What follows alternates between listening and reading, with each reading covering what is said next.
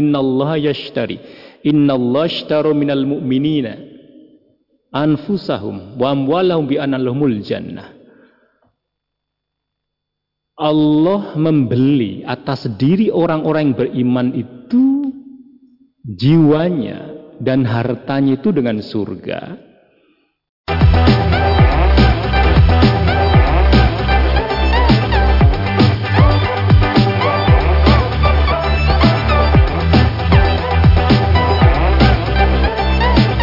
Bismillahirrahmanirrahim. Assalamualaikum warahmatullahi wabarakatuh. Alhamdulillahirrahmanirrahim Puji syukur. Mari selalu kita panjatkan Kehadirat Allah subhanahu wa ta'ala Yang telah begitu banyak Memberikan rahmat Kasih sayangnya kepada kita semuanya. Sehingga di pagi hari ini Kita dapat kembali berjumpa dalam program Fajar Hidayah. Saya Ahmad Fauzan menemani Anda Dan tentunya di hari Jumat kita bersama dengan Ustadz Suprapto dari Pondok Pesantren MTA Karanganyar. Assalamualaikum warahmatullahi wabarakatuh Ustadz. Waalaikumsalam warahmatullahi ya. wabarakatuh. Bagaimana kabarnya pagi hari ini? Sehat Ustadz? Alhamdulillah. Sehat. Alhamdulillah sehat selalu dan juga di hari ini mau bersamai untuk uh, pelatihan ya Ustadz ya. Iya, iya. Baik. Mudah-mudahan bisa menyimak dengan seksama untuk pemirsa dan pendengar yang saat ini sedang uh, menyimak acara Fajar Hidayah hingga nanti usai pukul 6 pagi. Baik, pemirsa, kita akan dengarkan terlebih dahulu mukadimah yang akan disampaikan oleh Ustadz Suprapto mengawali kajian kita di pagi hari ini. Moga silakan Ustadz. Baik, bismillahirrahmanirrahim. Assalamualaikum warahmatullahi wabarakatuh. الحمد لله رب العالمين أشهد أن لا إله إلا الله وأشهد أن محمدا عبد رسوله اللهم صل على محمد وعلى آله وصحبه ومن تبع هداهم بإحسان إلى يوم الدين وقال تعالى في كتاب العزيز أعوذ بالله من الشيطان الرجيم بسم الله الرحمن الرحيم يا أيها الذين آمنوا اتقوا الله حق تقاته ولا تموتن إلا وأنتم مسلمون وقال وما كان المؤمنون لينفروا كافة فلولا نفر من كل فرقة منهم طائفة ليتفقوا في الدين ولينذروا قومهم إذا رجعوا إليهم لعلهم يحذرون أما بعد Saat semuanya yang ada di Masjid Jami Pondok Pesantren MTA segenap pemirsa pendengar yang sekarang diberikan kesempatan oleh Allah untuk mengikuti acara rutin di Fajar Hidayah dan pada kesempatan kali ini di hari Jumat ini hampir di 10 yang terakhir Ramadan kita betul-betul bersyukur kepada Allah Kadang kita tidak meminta pun Allah memberikan untuk kita. Kita bangun tidur atau sebelum kita tadi sahur bangun dengan mengucapkan Alhamdulillah ahyana ba'da ma'amatana wa ila nusyur. Kita telah bersyukur kepada Allah. Allah kembali menghidupkan kita. Setelah Allah mematikan kita dalam tidur kita, karena sesungguhnya semua dari kita akan kembali kepadanya. Dan setelah kita bangun pun kita nggak meminta untuk diberikan udara, diberikan oksigen. Kita tetap saja menghirup udara itu, walaupun kita tidak memintanya. Maka betapa kemudian Allah sangat maha pemurah. Rahman Allah karena sang khalik kepada seluruh hambanya, makhluknya, itu diberi untuk fasilitas-fasilitas hidup karena Allah telah menciptakan. Oleh karenanya kita bersyukur, maka tidak mungkin kita mampu menghitung apa yang telah Allah berikan kepada kita. Asa tidak, Bapak, Ibu, Saudara semuanya, di Fajar Hidayah senantiasa kami senantiasa mengingatkan bahwa muhasabah kita itu harian. Tidak dalam tahunan, karena terlalu jauh harian itu pun kemudian menjadi sangat uh, lambat ketika kita mencoba sangat detail untuk mencoba apa yang telah kita kerjakan itu sesuai dengan yang dituntunkan oleh Allah dan Rasulnya. Kita lihat misalnya bahwa ketika Allah meminta kita untuk jangan pergi semuanya. Waktu itu konteksnya memang perang ya. Jangan pergi semua untuk berperang. Tetapi hendaknya Allah ada di sekelompok kalian itu orang yang memang dia tafakuh fiddin. Yang mempelajari agama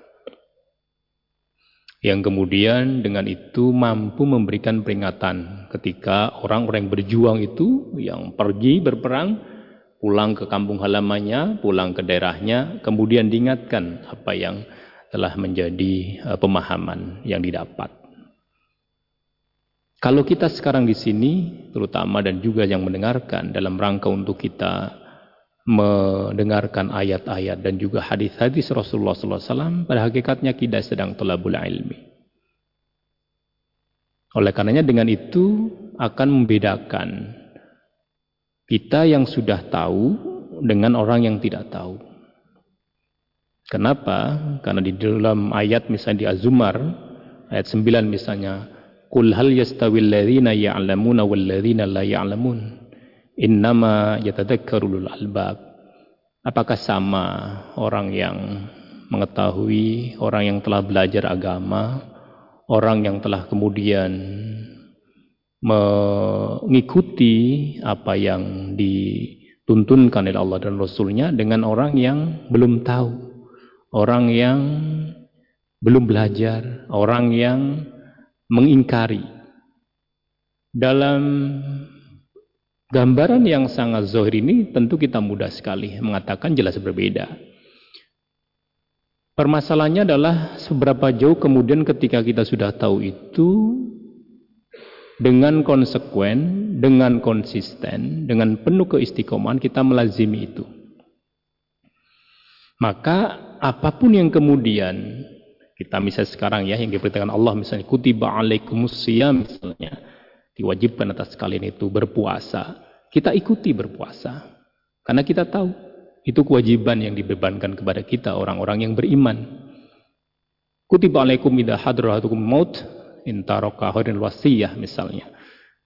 Nah, diwajibkan juga atas kalian ketika kalian meninggalkan uh, waris untuk disampaikan kepada ahlinya diwasiatkan harta benda itu sebelum kita meninggal.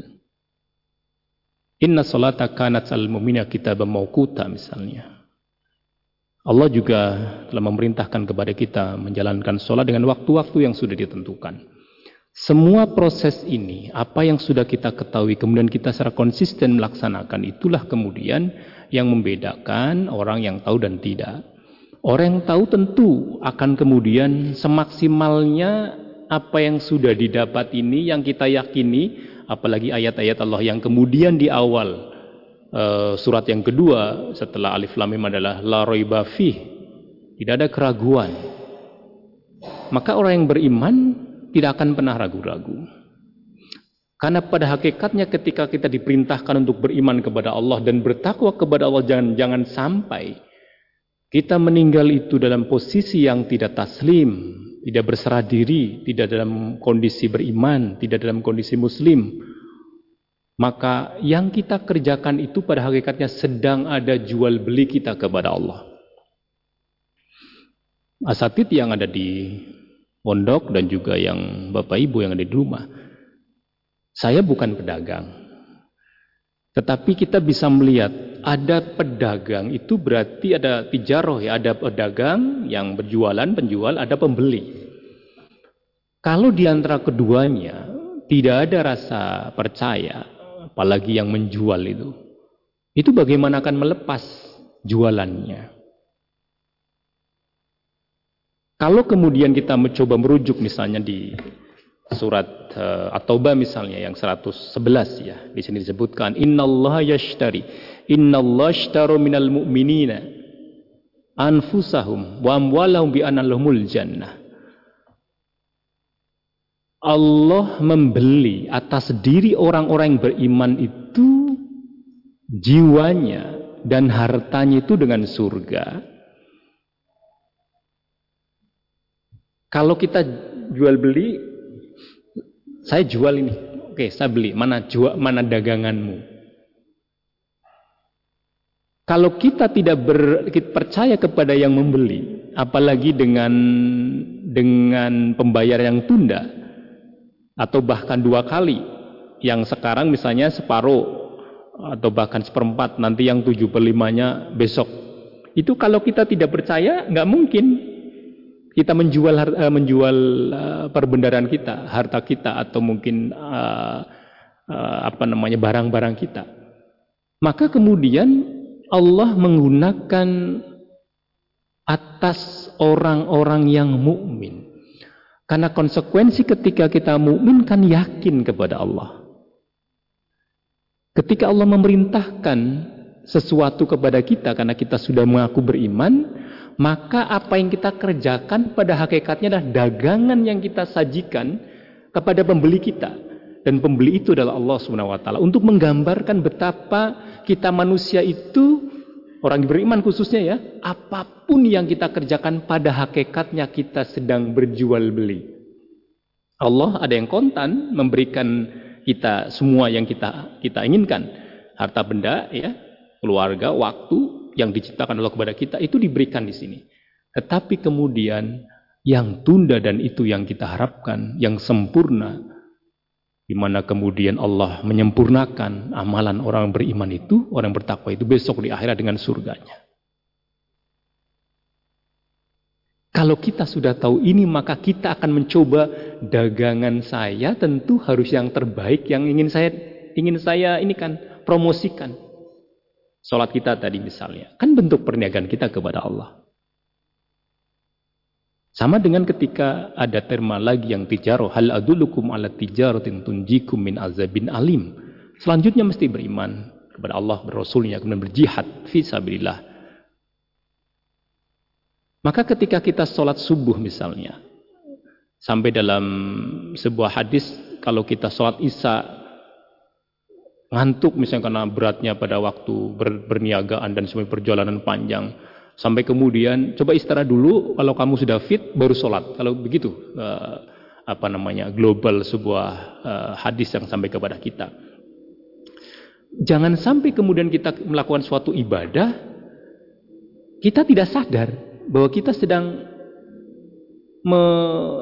memberikan satu promosi kita kepada Sang Kholik yang telah mengabarkan kepada kita, menfirmankan kepada kita bahwa Allah membeli atas diri kita punya apa? Punya waktu. Hari ini kita punya waktu yang Allah berikan. Kemudian kita buat apa? Buat kita nafar, buat kita sekarang mengikuti pelatihan guru daerah misalnya. Itu bentuk yang kita persembahkan, dagangan kita. Permasalahannya adalah apakah semua dagangan kita itu dibeli oleh Allah dengan harga yang sama? Secara harga tertinggi itu surga.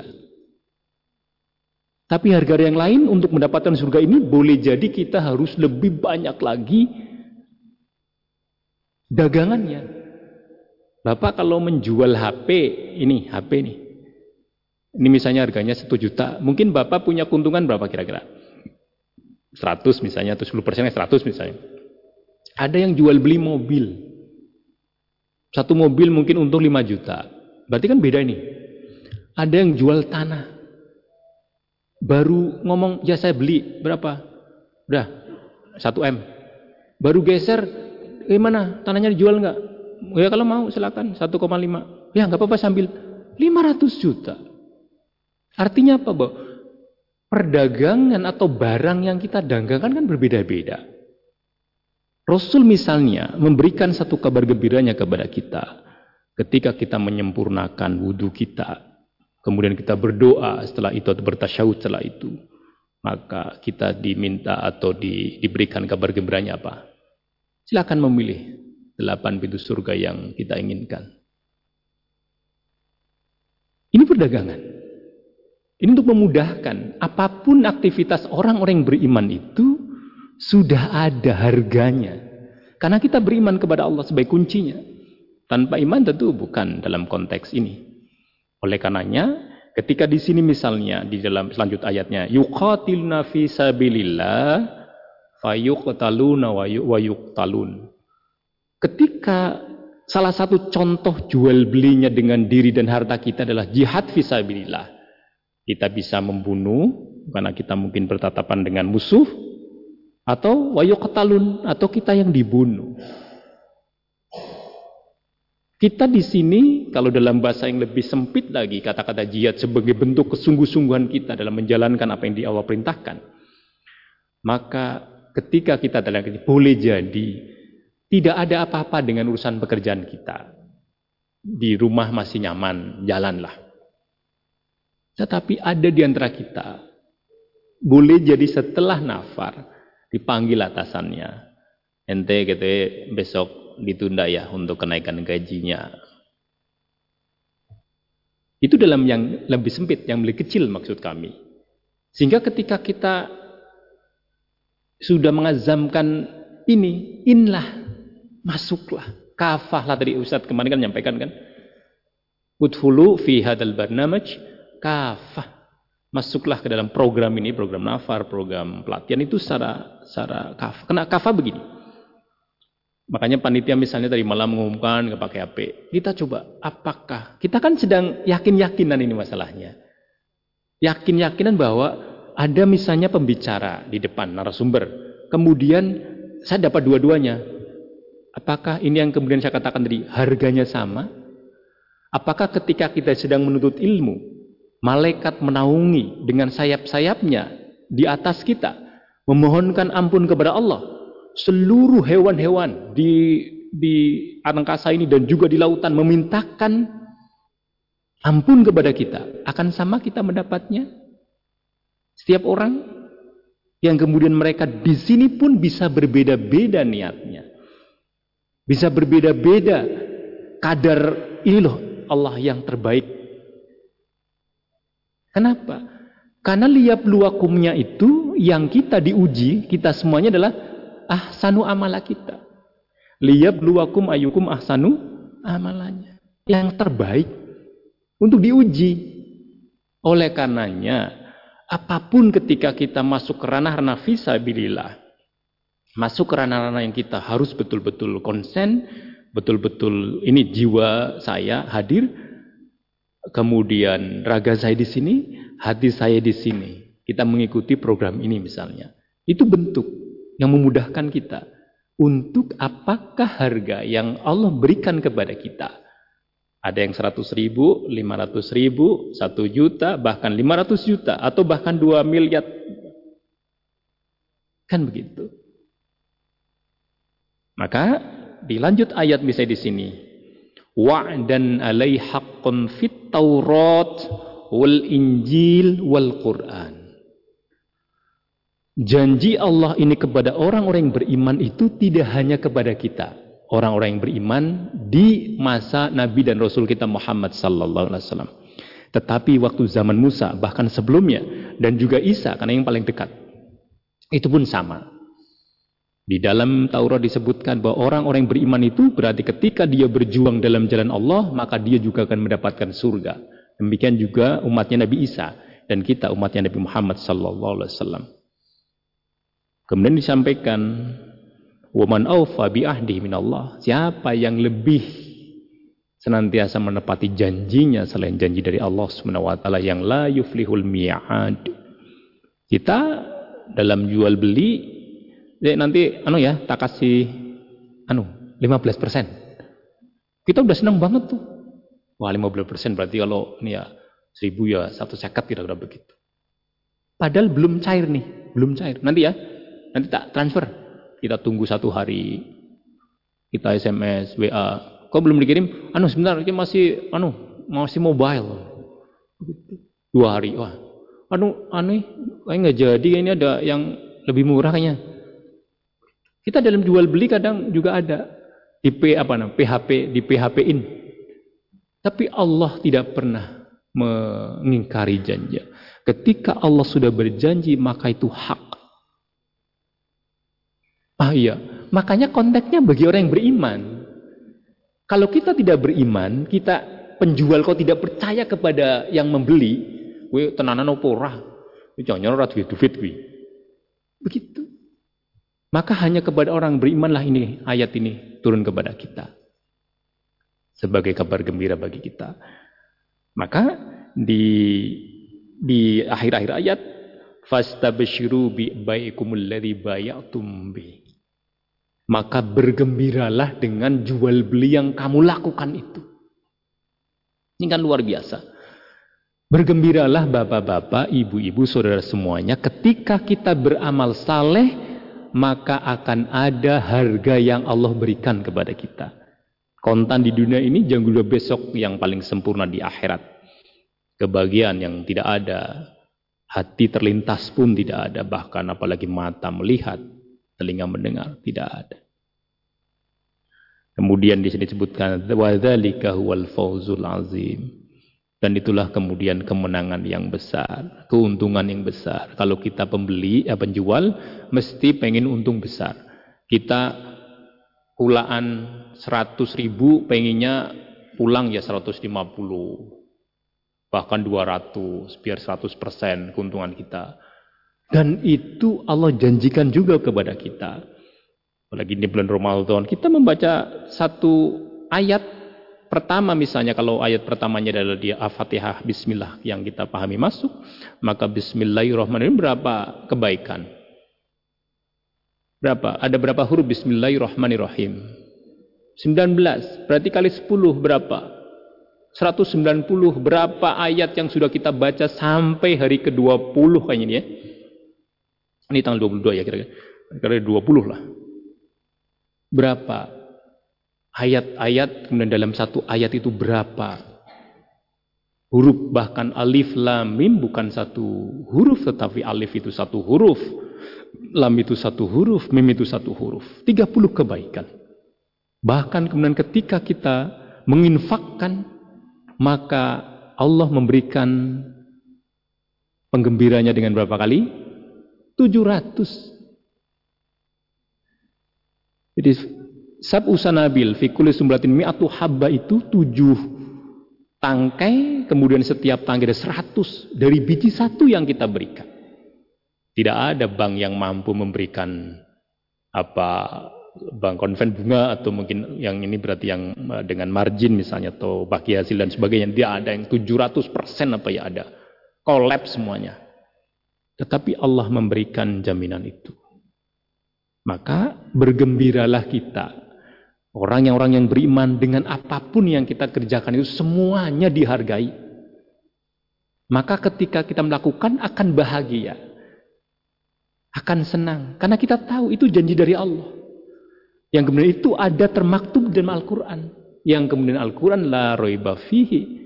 Bahwa itu adalah turun dari Allah kepada malaikat Jibril untuk diberikan kepada Nabi kita Muhammad sallallahu alaihi wasallam yang kemudian diberikan kepada para sahabatnya. Kemudian mutawatir kemudian ditulis di media-media yang ada, kemudian sampai kepada kita dalam bentuk mushaf yang seperti sekarang ini. Bapak, saudara semuanya dan asatid.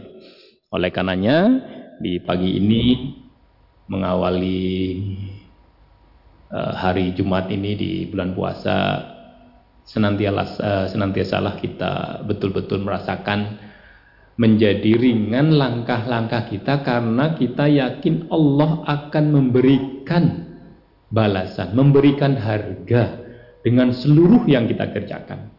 Karena kita sebagai penjual yakin pembeli kita adalah yang sangat maha, yang memiliki semuanya. Bukan kemudian pembeli-pembeli seperti manusia yang kemudian kadang memphp ya, yang kemudian hanya menjanjikan besok ya kasih 10%, 15%, 20% tapi tidak kunjung datang. Atau dikasih 20% hanya marginnya saja pokoknya belum dikirimkan.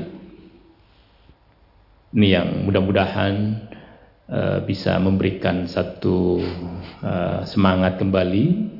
Selain semangat-semangat yang sudah kita mendapatkan dari apa yang sudah kita kerjakan selama ini dan kita dengarkan dari kajian-kajian asatid kita, ustadz-ustadz kita.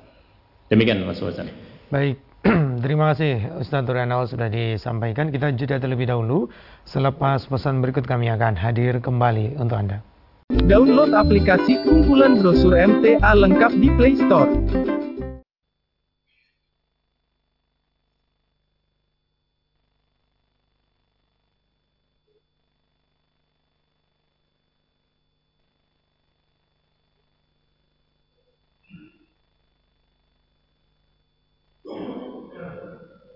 Silakan bagi Anda yang ingin bergabung, line telepon kita gunakan di 02716793000, SMS WhatsApp di 08112553000. Baik, di line telepon sudah ada saudara kita yang ingin bergabung. Assalamualaikum warahmatullahi wabarakatuh. Waalaikumsalam warahmatullahi ya. wabarakatuh. Dengan siapa di mana? Dari Bapak Tunggal di Margelue, Tulung Daleman Klaten. Ya, silakan Pak Tunggal. E, pertanyaan saya begini Ustaz ya. Rasulullah itu kan rumahnya dekat masjid. Gitu. Kalau pengen dengar azan itu gimana? Apakah langsung menjawab azan itu atau wudhu dulu, sholat sunnah ke di rumah atau langsung ke masjid? E, gitu e, pertanyaan saya. Iya. E, itu aja, makasih. Demikian, terima kasih. Eh?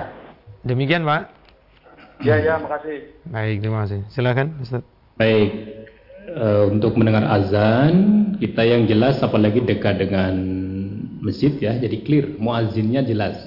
Bukan kaset maksud kami tapi jelas clear muazin kita jawab walaupun kita belum wudhu karena tidak ada uh, perintah ketika kita menjawab azan posisinya harus suci. Yang kedua, setelah jawab azan misalnya kemudian belum wudhu, baru itu wudhu silakan. Kemudian melaksanakan sholat sunnah di rumah lebih baik. Paling kan dekat tuh dengan masjid. Tapi itu kemudian ke masjid. Masih ada waktu, biasanya kan ada tanda koma itu 10 menit ada, 15 menit ada. Ada waktu untuk kita tahiyatul masjid, tahiyatul masjid. Kemudian kita bisa untuk ke apa? Kalau ada qobliyah kita qobliyah. Jadi pada prinsipnya sholat bagi kita apalagi laki-laki yang terbaikkan di masjid. Kecuali sholat sunnah. Maka itu bisa dilakukan Bapak. Jadi silakan langsung bisa dijawab, kemudian bisa sholat di rumah silakan untuk misalnya uh, qobliyah misalnya mau di rumah silakan. Kemudian ketika kita datang ke masjid uh, tahiyatul masjid silakan atau sholatnya di masjid semua juga boleh. Demikian Mas Wazan. Ya. Baik, kita beralih ke pertanyaan yang ada di uh, WhatsApp Ustaz datang dari Bizar yang ada di Sragen tentang tata cara azan apakah menutup telinga dengan tangan saat azan itu termasuk tata cara azan Ustadz mohon dijelaskan. Jadi kalau azan kenapa menutup telinga ya? Atau itu di, sebagai tuntunan apa tidak? Tidak ada kemudian Nabi menjelaskan itu. Karena waktu Bilal azan kan me, apa namanya? Tangannya malah di biar disuarakan lantang gitu. Tetapi kalau kita kemudian sekarang azan biasanya memegang ini kemudian mic di depan seperti saya ini misalnya, ya nggak masalah juga. Tidak ada kaitannya dengan ibadah. Yang penting kan nidanya itu, ya. Jadi seruan azannya. Kalau mau dua tangan dipegang biar mungkin kita sendiri azan malah kita takut mendengarkan azan kita atau suara kita jangan-jangan ya. Tapi insya Allah nggak apa-apa, silakan saja. Mau penutup telinga atau tidak, sah-sah saja silakan. Ya. Kemudian berikutnya uh, masih di WhatsApp coba kita bacakan.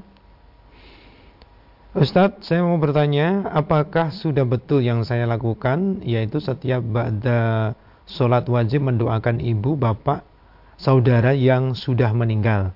Apa ada tuntunannya Ustadz? Boleh saja. Kita setiap selesai sholat itu mendoakan untuk diri kita, orang-orang yang beriman, baik yang sudah meninggal maupun yang masih hidup, apalagi saudara-saudara kita ya, itu boleh saja. Sangat di apa namanya ditekankan untuk kita berdoa kepada saudara-saudara kita semuanya. Yang menjadi catatan kan kemudian apakah yang kita doakan, terutama keluarga kita ya, itu orang-orang yang memang muslim, orang yang sholat. Sahusnudonya tentu itu, artinya bapak ibu kita semuanya sudah muslim, sudah sholat, sehingga kita doakan. Karena kan kita lil mu'minina wal mu'minat, lil muslimina wal muslimat. Clear itu. Kita mendoakan saudara kita, baik laki-laki perempuan yang konteksnya ini, orang yang beriman, baik laki-laki perempuan atau yang muslim, ya, baik nanti muslimat maupun muslimin. Tetapi kemudian ketika keluarga kita, batasannya yang disampaikan oleh Allah misalnya kita lihat tadi misalnya di Toba 111 ya, ternyata di 113 nya di kana disebutkan maka nabi nabi walladzina amanu ayyastaghfiru lil musyrikina walau kanu walau kanu ulil qurba min ba'di ma tabayyana lahum annahum ashabul jahim. Jadi tidak pantas bagi Nabi dan orang-orang beriman itu memohonkan ampun bagi orang musyrik. Lah musyrik di sini tentu yang mensekutukan Allah. Bahkan kemudian ketika kita melihat orang yang sudah sholat kemudian ada jeda tidak sholat, selama kita tidak yakin bahwa yang bersangkutan amdan ya, berarti sungguh-sungguh dengan sengaja saya sholat ini apa, sungguh-sungguh dengan ilmunya, artinya mengingkari, maka dia telah kafir. Tetapi kemudian karena ketidaktahuannya dan kita husnudon untuk itu, silakan bisa didoakan. Jadi kita tidak bisa menilai, oh dia berarti kafir karena meninggalkan kafir. Boleh jadi ada hal yang dia karena ketidaktahuannya. Kita saya kira kita bisa menilai itu karena kita sudah tahu ya kewajiban sholat kita. Tapi bagi orang-orang di desa-desa kadang-kadang rumangsanya sholat ya kalau kalau kober, kalau apa namanya, kalau sempat begitu. Kalau enggak ya, oh tadi anu ada kondangan no, isanya maribnya telat asar sholat kemudian maribnya atau asar kadang enggak karena masih di pekerjaan misalnya. Karena ketidaktahuan. Maka uh, dia mengaku muslim, beriman ya, kemudian dia sholat, selama dia tidak meninggalkan sholat karena amdan, karena uh, dengan sengaja, dengan ilmunya dia sengaja meninggalkan, itu kita burus nudon karena ketidaktahuannya. Karena dia telah sholat, Nah, kita ketika meninggalkan disolati, disolati kan berarti didoakan itu. Maka kita berdoa kepada Allah untuk mengampuni dosa-dosa saudara-saudara ya. kita, bahkan ibu kita. Yeah. Baik, kemudian coba kita terima kembali yang ada di line telepon. Ada penelpon silakan. Assalamualaikum warahmatullahi wabarakatuh. Waalaikumsalam warahmatullahi wabarakatuh. Ya, dengan siapa di mana? Dari Ibu Sri di Pacitan. Iya, silakan Ibu Sri. Iya. Assalamualaikum Ustaz. Waalaikumsalam warahmatullahi wabarakatuh. Uh, Ustaz, yang saya tanyakan bagaimanakah cara mengatasi hati yang was-was itu? Mohon tausiahnya untuk saya. Segitu aja, terima kasih. Assalamualaikum warahmatullahi wabarakatuh. Waalaikumsalam warahmatullahi wabarakatuh. Hati yang apa tadi Mas Hati yang selalu was-was Ustaz. Oh, was-was. Was-was itu dari godaan setan. Maka kita bertawud ya. Alladhi waswisu fi sudurinas. Maka kita bertawud kepada Allah, memohon perlindungan dari Allah. Yang kedua, tentu kita yakin dulu bahwa kalau itu adalah godaan setan, kemudian kita sudah bertawud kepada Allah, maka apa yang menenteramkan kita? Zikir kepada Allah. Zikir kepada Allah itu tatmainul qulub. Kita mengingat Allah, kita berbuat yang baik, itu menenteramkan. Kenapa? Karena kan kita sudah tahu bahwa mesti ada akhir dari hidup ini. Mesti akan ada apa setelah kita mati apanya digelundungkan kemudian bercampur tanah jadi tanah sudah selesai. Kita mesti senakal-nakalnya kita, sejahat-jahatnya kita tahu kita nanti akan mati itu karena sudah jelas ayat-ayatnya keluarga kita, bahkan yang lebih kecil dari kita mati. Tapi setelah mati mesti ada sesuatu ini karena Allah menciptakan tanpa ada tan, bukan tanpa ada tujuan. Maka ketika kita mencoba tadi karena kita kan konteksnya kita sudah Islam kan makanya asalnya, maka dengan berzikir kepada Allah, sholat sunnah kita kita tambah bahkan ada sholat mutlak yang kemudian kita sholat semampu kita pun dua rakaat dua rakaat itu itu menenteramkan kita cara pandang kita kepada dunia itu juga menjadi uh, ikut berperan yang mengganggu hati kita. Dunia itu kalau dibandingkan dengan akhirat tidak ada apa-apanya. Keyakinan itu harus kita pegang. Artinya apa? Kita bisa tidak was-was ketika tujuan kita itu lebih besar dari proses yang kita tempuh. Kita yakin dulu bahwa di sana ada surga. Di sana ada yang Allah janjikan kepada kita. Maka apa pun yang kita kerjakan itu tidak akan ada apa-apanya. Kalaupun kita sedih di dunia, akan ada akhirnya. Jangankan sedih, bahagia pun ada akhirnya. Tetapi besok di akhirat tinggal ada dua. Apakah kita bahagia atau kemudian kita tidak bahagia? Apakah kita ke yang ke kiri atau yang kita ke kanan? Maka ibu yang ada di Pacitan, yang pertama kita setelah bertaut kepada Allah, mohon Allah perlindungan kepada Allah dari setan yang senantiasa menggoda kita. Kemudian kita ikuti dengan berzikir kepada Allah dengan kalimat-kalimat thayyibah kita. Karena kita yakin Allah yang kemudian menurunkan sakinah kepada kita, ketenangan dalam hati kita. kemudian kita beribadah apa yang Allah dan Rasulnya tuntunkan, itu bentuk kita mencoba menenangkan diri kita. Karena kita sebagai hamba wa ma khalaqtul jinna wal insa illa illa liya'budun.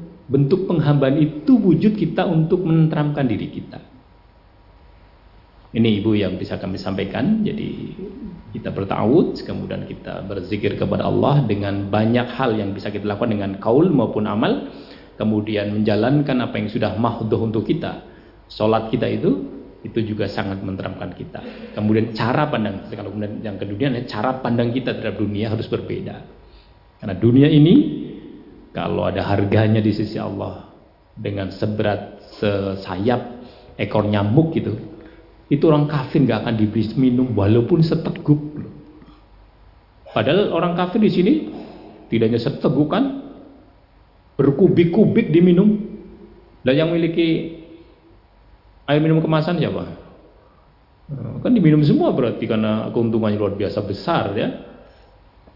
Berarti kan nggak ada sama sekali harganya di dunia sehingga itu akan menimbulkan kemu, ke, apa namanya problematika di rumah tangga problematika dengan itu akan ada akhirnya.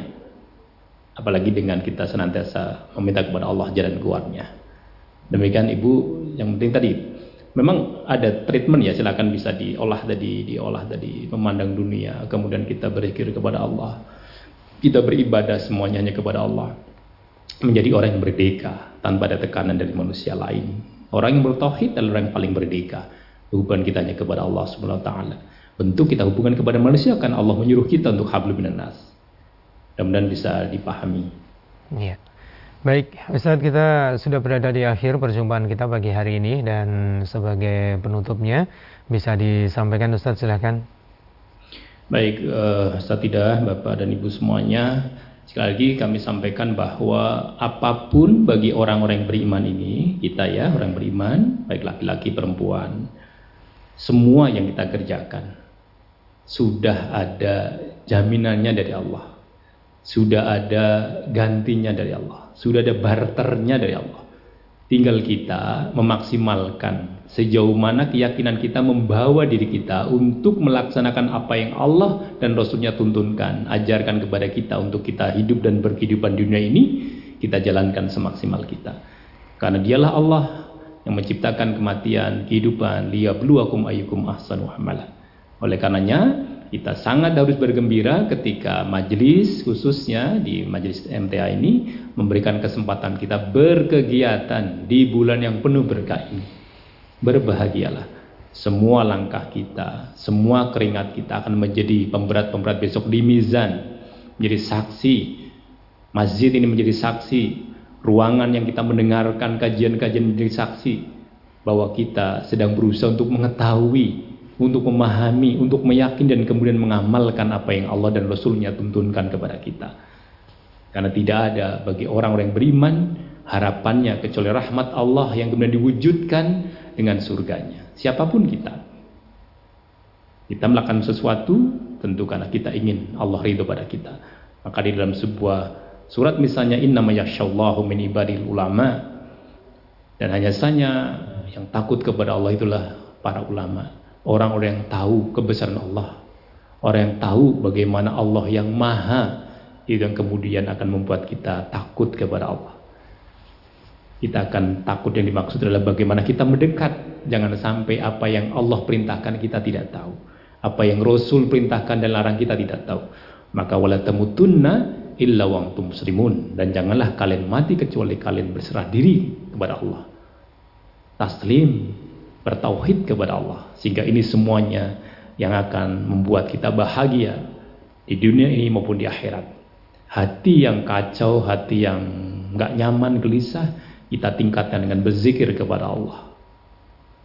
Dengan meningkatkan ibadah kita kepada Allah. Puasa ini apalagi bentuk yang paling luar biasa satu bulan penuh kita dididik oleh Allah bagaimana menahan diri dari nafsu kita nafsu makan kita, nafsu minum kita, nafsu sahwat kita, dan nafsu untuk berbicara kotor dan lain sebagainya yang kemudian itu dilarang oleh Allah, kita betul-betul dibuat, diprogram untuk ingat saya sedang puasa karena ini kepada Allah, maka apa pun yang Allah perintahkan semaksimal semaksimalnya kita ikuti, dan apa yang dilarang semaksimalnya kita hindari.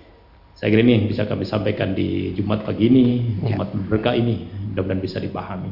Assalamualaikum warahmatullahi wabarakatuh. Waalaikumsalam warahmatullahi wabarakatuh. Terima kasih Ustaz tausiahnya di pagi hari ini. Insya Allah kita lanjutkan di kesempatan yang akan datang.